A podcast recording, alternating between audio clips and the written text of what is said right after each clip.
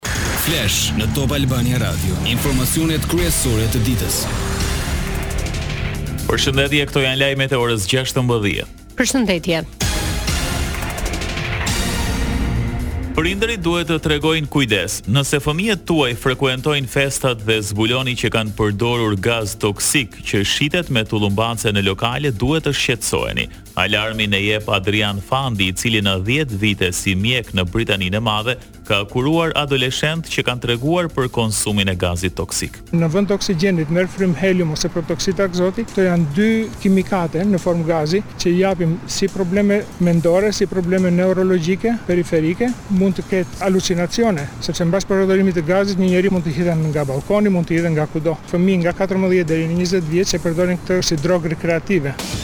Në fund të gushtit më kanë ardhur disa pacientë të rinj nga Shqipëria, mosha tetëmbëdhjetë, njëzet vjeç, me probleme mbasi kanë përdorur balonin, si dhimbje koke të vazhdueshme, një javë me dhimbje koke, probleme me neuropatie periferike, nuk kishin mundësi të lëviznin duart apo këmbët, si dhe shqetësime të tjera neurologjike. Është një problem që ne e njohim në Britaninë e Madhe. E njëjta gjë është dhe në Angli, shitet në shitje të lirë, por jo nëpër bare, por nëpër dyqanet që shesin tollumbace për festa për të fluturuar lart.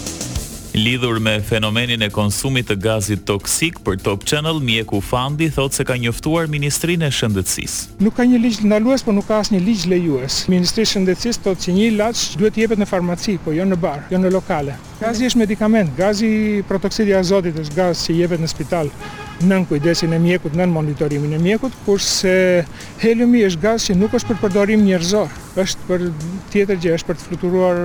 balonat lart dhe ka shumë shumë shumë efekte anësore. Drejtonin mjetin nën efektin e lëndëve narkotike dy të rinj të arrestuar në Tiranë, në pranga ranë dy shtetas të moshave nëntëmbëdhjetë dhe njëzet vjeç të ndaluar teksa kryenin manovra të rrezikshme me mjetin e tyre. Tashmë shkon në tridhjetë e dy numri i drejtuesve të automjeteve që kanë rezultuar nën efektin e drogave pas testimit me aparatin Aquila Scan gjatë këtij viti. Një sherr banal, por i përsëritur në kohë u bë shkak për ekzekutimin e një shqiptari në Greqi. Sot në Pire, një dyzet vjeçar me origjinë nga Korça, i identifikuar si shtetasi Brigen Limka u qëllua për vdekje me armë zjarri nga një shtetas grek me të cilin përplasej vazhdimisht. Sherri nisi në një parking ku autori dhe viktima debatonin shpesh për vendin ku duhej të parkohej makina e gjashtëdhjetë e tetë vjeçarit Dhimitris Kutrumanis. Pasi e vrau, ky i fundit u dorëzua në polici. Bajraci. Nga zjarri i djeshëm te pallati dhjetë katësh në Tiranë janë katër apartamente të shkrumbuara, ndërsa dymbëdhjetë pësuan dëmtime që i bënë të pabanueshme. Banorët presin ekspertët për verifikimin e dëmeve, si dhe për të mësuar shkaqet. Fatmirësisht nuk pati të lënduar. Po ashtu, banorët e pallatit te ish-parku i autobusëve kaluan natën te të afërm dhe në hotele, ata bëjnë thirrje për gjetjen e fajtorëve dhe kërkojnë të rimbursohen.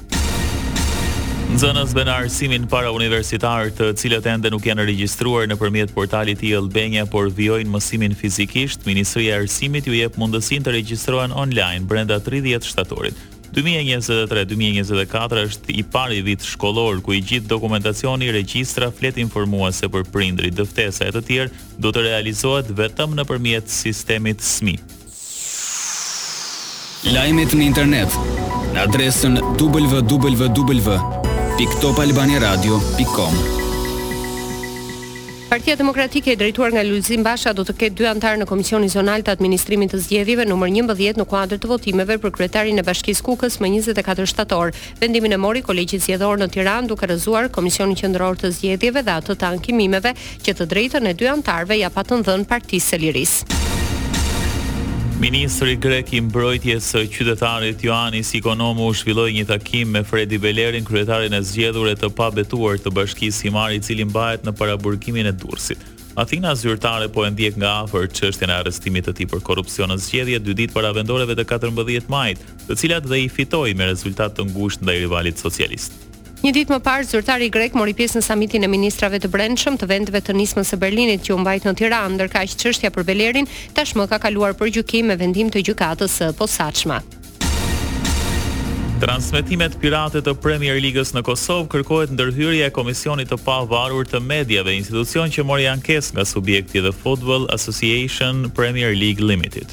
Kjo lidhur me piratimin e të drejtave të transmetimit të këtij eventi sportiv në Kosovë nga operatorët e shërbimit audiovizual Art Motion në pronësi të vëllezërve Devolli, Ipko Telecommunications dhe Kujtesa. Fillimisht ankesa u bë nga Premier Liga e më pas nga Digitalb, i vetmi subjekt që gëzon të drejtën ekskluzive të transmetimit të Premier League me koment shqip në Shqipëri e Kosovë.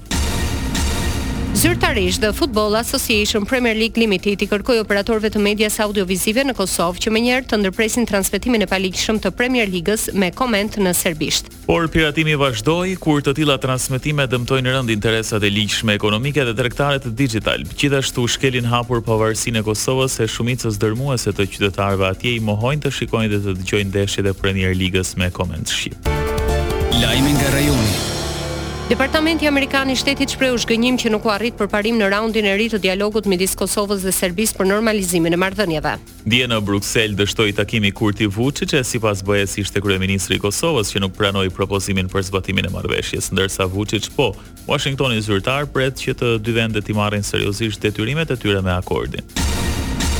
Në konferenca të ndara për media, Kurti dhe Vuçiç akuzuan njëri-tjetrin për mungesën e rezultateve nga takimi. Kryeministri i Kosovës tha se kushtëzimi i Serbisë për formimin e Asociacionit të Komunave me shumicë serbe është shndërruar në qëndrim të emisarëve të BE-së, por sipas Vuçiçit, Kurti thjesht i shmanget formimit të Asociacionit. Bashkimi Europian hedh poshtë deklaratën e Albin Kurtit se në takimin me Aleksandër Vuçiçin në Bruksel vetëm ai paraqiti propozim për zbatimin e marrëveshjes për normalizimin e marrëdhënieve. Para palëve Unioni paraqiti plan zbatimi, për BE-në pohimi i kryeministrit të Kosovës se në tryezë ka qenë vetëm propozimi i tij thjesht nuk është i saktë.